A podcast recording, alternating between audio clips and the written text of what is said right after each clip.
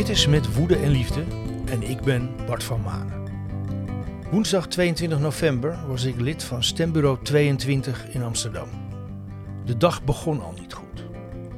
Het stembureau was verhuisd vanwege een uitvaartdienst en op de nieuwe locatie moesten we eerst de stemhokjes nog opbouwen. Daarna bleek de iPad met het register ongeldige stempassen niet te werken. Het was dus pas rond 9 uur dat we de eerste kiesgerechtigden konden registreren. En echt storm heeft het die dag op stembureau 22 ook niet gelopen. Om 9 uur s'avonds volgde gelijk de kater van de uitslag.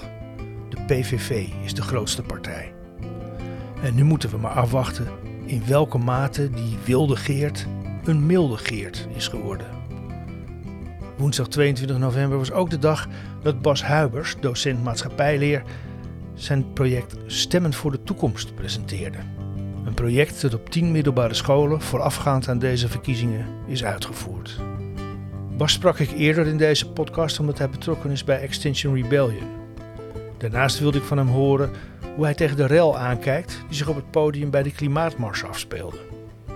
Op 12 november was er wel erg nadrukkelijk aandacht voor de verschrikkelijke oorlog in Gaza. Daarbij klonk de leus From the river to the sea, Palestine will be free. Terecht of niet, voor veel Joden heeft dat de betekenis gekregen van Judenraus, dat ook in Amsterdam heeft geklonken, met evenzeer verschrikkelijke gevolgen. Ik vond dat protest in het protest misplaatst. Wat doet die kreet bij een klimaatdemonstratie? Het is al ingewikkeld genoeg. Dus daags na de verkiezingen, na de presentatie van zijn schoolproject en elf dagen na de klimaatmars sprak ik hierover met Bas Huibers. Het is donderdag 23 november. Ik zit eh, op een bankje in een koffietentje in Amsterdam Centrum naast Bas Huibers, docent maatschappijleer en ook uh, betrokken bij Extinction Rebellion. Maar laten we het eerst even hebben over wat er gisteren allemaal gebeurd is. Want we zitten hier toch wel een beetje met een kaarten, denk ik, Bas. Nou, tof dat ik hier weer uh, met jou zo tof in gesprek mag. En klopt, ja, ik zit wel met een kater zonder alcohol. Ja, ja. Um, hoe moet het nou verder met Nederland? Wat denk jij? Uh, gisteren heb je ironisch genoeg uh, een project gepresenteerd wat je hebt afgerond met middelbare scholieren in samenwerking met de Tolhuistuin. En dat ging over stemmen voor de toekomst. In aanloop naar deze verkiezingen. Hoe was de stemming onder de scholieren? Laten we daar eens mee beginnen. Ja, hoe moet het verder met Nederland? Nou, de scholieren, ja, die, ja, die, die, kijk, ik zal even iets over het project zeggen. Het project is bedoeld om, om, om je niet te richten op studenten die heel veel van politiek weten, maar juist jongeren die het, die het eigenlijk er niet over hebben. Dus het interessante is, zij moeten eigenlijk hun idee, uh, dus zij willen ergens voor gaan. En dat idee moeten zij bij een volwassen iemand die dan voor hun gaat stemmen om dat uit te voeren. Dat is, de, dat is het idee van het hele projectje. Dus stel je voor, jij wil dat uh, een basisinkomen is. Nou, dan ga je dus iemand zoeken die voor jou wil, die voor jou wil stemmen. En die, en, dan, en die krijgen dan een but, ik stem voor de toekomst. Dus het mooie van het project is dat, dat, dat leerlingen met volwassenen uh, gaan praten over de verkiezingen. Ja, echt heel tof. En je zag echt, we hebben het nu met zo'n duizend studenten gedaan, of leerlingen. Uh, en, en heel veel daarvan hebben gewoon, uh, ja, uh, ja echt, echt, echt interessant met elkaar gepraat. En met ouders, met, met mensen uit de buurt. En natuurlijk, je hebt een heleboel leerlingen die in eerste instantie niet doet. En dat is leuk van dit project. Die gaan zo door de mand. Want die komen je dan bij jou terug. En die zeggen, ja, heb uh, een verzonnen naam gesproken. En dan hebben ze dat verhaal niet. Dus het, echt, het, het, het gaf wat het opbracht dat leerlingen over politiek gingen praten. Dus, dus, je dwong ze zo ook een beetje om echt over politiek te hebben en niet, niet zomaar wat te doen. Ze konden het niet duiken eigenlijk. Nee, nee, nee. En het, ja, het was echt... Ja, en het werkte dus ook goed voor de VMBO-leerlingen. Want vaak wordt alles voor VWO-leerlingen Mhm. gedaan. En dan wordt het afgezwakt. Maar dit werkte... Dit was ook echt ontwikkeld vanuit dat perspectief. Ja, het was echt tof. Oké. Okay. En uh, uh, um, gaat er iets gebeuren nog met, uh, met de resultaten verder? Wordt, wordt, er nog een plan van gemaakt om dat vaker te gaan doen? Hoe moet ik het zien? Nou, we hebben het eerst met twee scholen gedaan, nu was het met tien scholen. Dus ja, we gaan weer evalueren en wie weet wordt het, uh, schalen we het op. Ja. ja, ja, ja. Nou, hartstikke leuk. Um, kwam daarbij ook de klimaatcrisis aan bod? Ja, bij leerlingen enorm.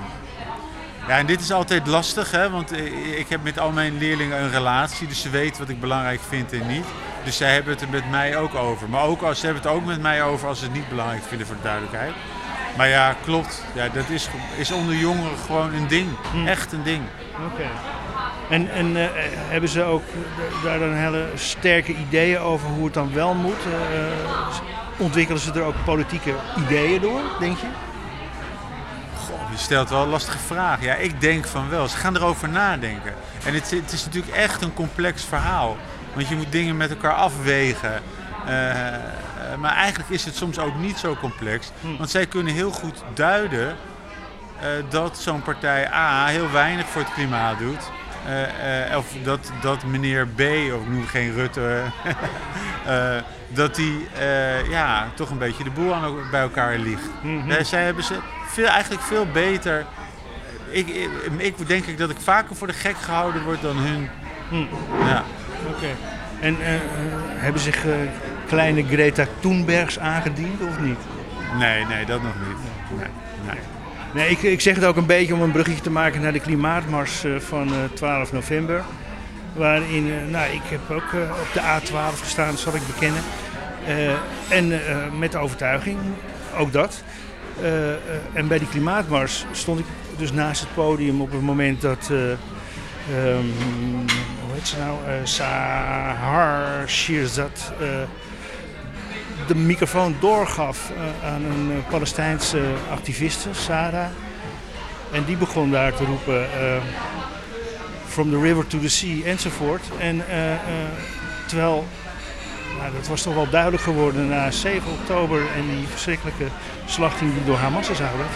Dat dat onder Joden dus heel slecht valt. En dat het echt gezien wordt als een soort Jodenraus. Wat ze, waar veel beleid van Israël op uh, ja, toch uh, teruggevallen wordt. Hè? De, de, de Shoah is een soort legitimatie ook geworden voor heel veel geweld. Ben ik ook niet voor. Maar toen dacht ik wel van, we zijn hier op de klimaatmars. Wat, wat dacht jij toen je over dat, dat relletje hoorde?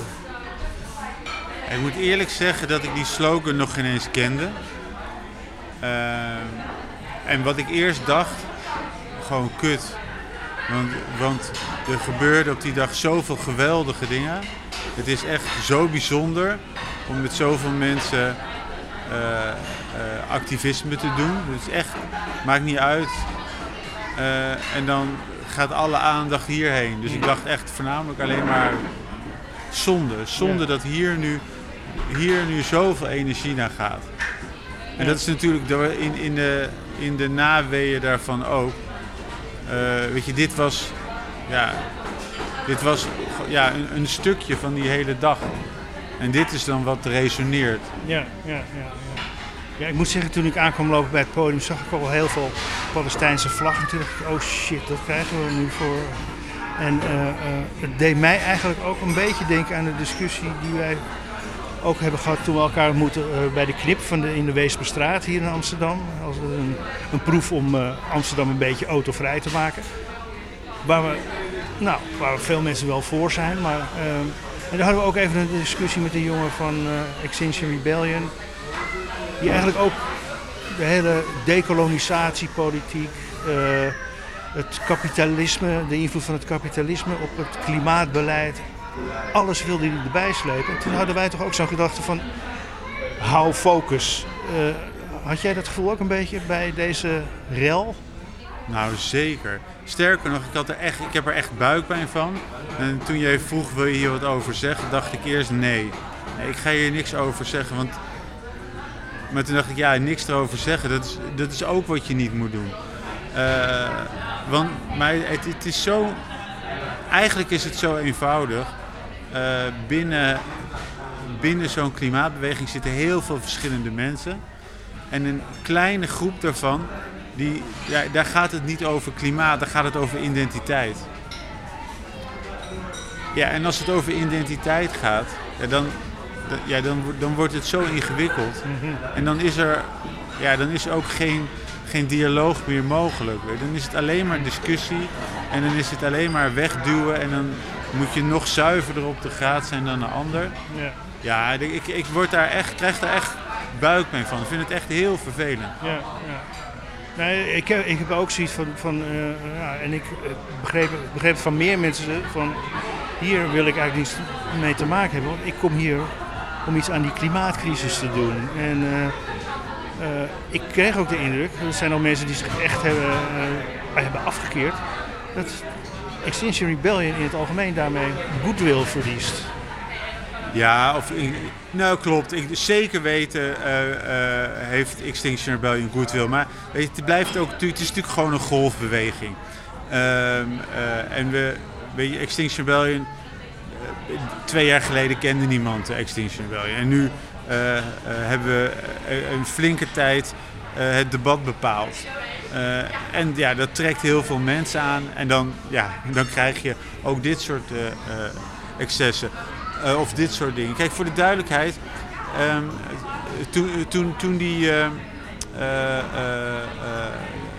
dat daar begon in Gaza. Ja, je hoeft geen partijen te kiezen. Het is natuurlijk gewoon heel erg, heel erg beroerd wat er, wat er gebeurt. Maar als je dan ziet dat onze overheid heel erg partij kiest voor kamp A, ja, dan, ja, dan is het ook wel logisch dat, dat je ook voor kamp B gaat kiezen. Terwijl wij, weet je, wat daar gebeurt is gewoon verschrikkelijk. Dat is echt een ramp. En toen, toen weet ik dat er mensen binnen XR, eh, weet je, die zijn gewoon tegen onrecht. En die zijn toen eh, gaan beameren in Utrecht. Nou, ik vind dat stiekem eigenlijk geweldig. Eh, maar dat is, heeft niet direct met XR te maken. Het heeft te maken met, met mensen die gewoon de middelen hebben en, en daardoor daarvoor gaan. En dat is ook waar het zo eh, eh, eh, door de war gaat. Ik vind het ook helemaal niet erg dat Greta zo'n zo'n sjaal om heeft. Want je moet haar, haar horen in haar brede context van het verhaal. En niet vanwege dat detail wat ze zegt. Eh, maar het is gewoon, ja, we zijn daar voor het klimaat. En eh, dat is waar we voor vechten. En als je dan dat verhaal erbij koppelt van de klimaatrechtvaardigheid, dan klopt het ideologisch zeker. En het is ook echt om uit te leggen. Maar het is veel te ingewikkeld. Ja, ja, ja. Nee, en dat heb ik ook zeker als, er, als die hele identiteitskwesties ook als een eh, XR-groep gem- gemarkeerd gaan worden en, en, en, en acties voeren. Ik vind die acties prima, maar ja. eh, maar dan wordt, zo gaan mensen het misschien XR ook wel als een politieke partij zijn eh, zien en niet als een beweging die het is.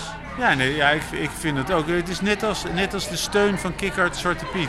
Voor de duidelijkheid, wat, wat, die, wat die mensen doen, ik heb daar echt door en door respect voor. Ik vind het echt, het is echt spannend hoor. Als je met zo'n klein groepje naar zo'n, zo'n randgemeente gaat eh, eh, in Flevoland of weet niet waar. Eh, echt hulde, echt, echt stoer als je dat doet. Dus ik vind ook dat, dat je die op persoonlijke titel altijd moet steunen. Ehm, en ik ben daar helemaal voor. Maar ik vind niet dat, dat een klimaatbeweging zich in de breedte moet uitspreken. wij zijn voor kick-out Zwarte Piet. Dat is een ander onderwerp. Ik kan me zelfs voorstellen dat kick-out Zwarte Piet zegt... ja, wij zitten helemaal niet op jullie steun te wachten op die manier. Ik weet het niet hoor trouwens. Nee, ik heb geen idee of ze daar op die manier Nee. op gereageerd hebben, maar, Nee. eh, Maar- ja, je kunt het misschien voorstellen. Ja. Ja, en, en het is dat, eh, die, die, die laag die eronder zit is klimaatrechtvaardigheid. En die kan je aan kolonialisme koppelen. En dan kom je bij Zwarte Piet, Ja. Zwarte Piet uit. En dat is op zich eh, een logisch verhaal. Maar het maakt het, het ha- haalt het echt, drijft weg van de hoofdboodschap. Dat we gewoon met z'n allen voor het klimaat moeten gaan. Ja. En dat is nu ook zo met die verkiezingen. We moeten voor het klimaat. Ik denk dat heel veel mensen ook iets aan het klimaat willen doen. Echt niet dat het nu opeens een, een non-issue is. Nee, ik kan me ook niet voorstellen dat er eh, ook eh, PVV-stemmers niet zien dat er inderdaad iets aan de hand is met het klimaat. Dat er heel veel regen is, eh, dat er eh, gletsjers verdwijnen in de Alpen die eh, eh, een wintersportvakantie misschien onmogelijk maken en dat soort dingen. Dus, maar om dan toch terug te komen op die verkiezingen. Dit gaat natuurlijk wel uh, allerlei obstakels opwerpen, waardoor er geen effectief beleid kan worden gevoerd, wellicht. Ja, de, ik, ben, ja, ik ben daar enerzijds bang voor, anderzijds weet ik het ook niet. Uh, want kijk, die bestaanszekerheid waar, waar Wilde zo voor gaat. Uh, en wat ook, nou ja, ook uitgekleed is uh, in de afgelopen 13 jaar en langer. ja, geeft voor die mensen een hoge prioriteit. Maar, die, maar het zijn diezelfde mensen die ook kinderen hebben en ook een toekomst zien. Hmm. En dus de prioriteit is, is anders. Maar ik denk de, de, de, de, de er toch ervoor gaan, ja, dat kan best wel eens, wel eens keren. Het is, het is veel meer dat ze uh, het niet als een linkse hobby zien of als een grachtengordel, maar dat ze het veel meer zeggen van ja, nee, luister, het, het moet breed door Nederland gedragen worden. Mm -hmm. En weet je, daar, is, daar zie ik nog wel openingen. Ja. ja okay. Dus we wanhopen niet, maar we zijn wel teleurgesteld. Ja, dat is mooi gezegd. Met wanhoop bereik je niks.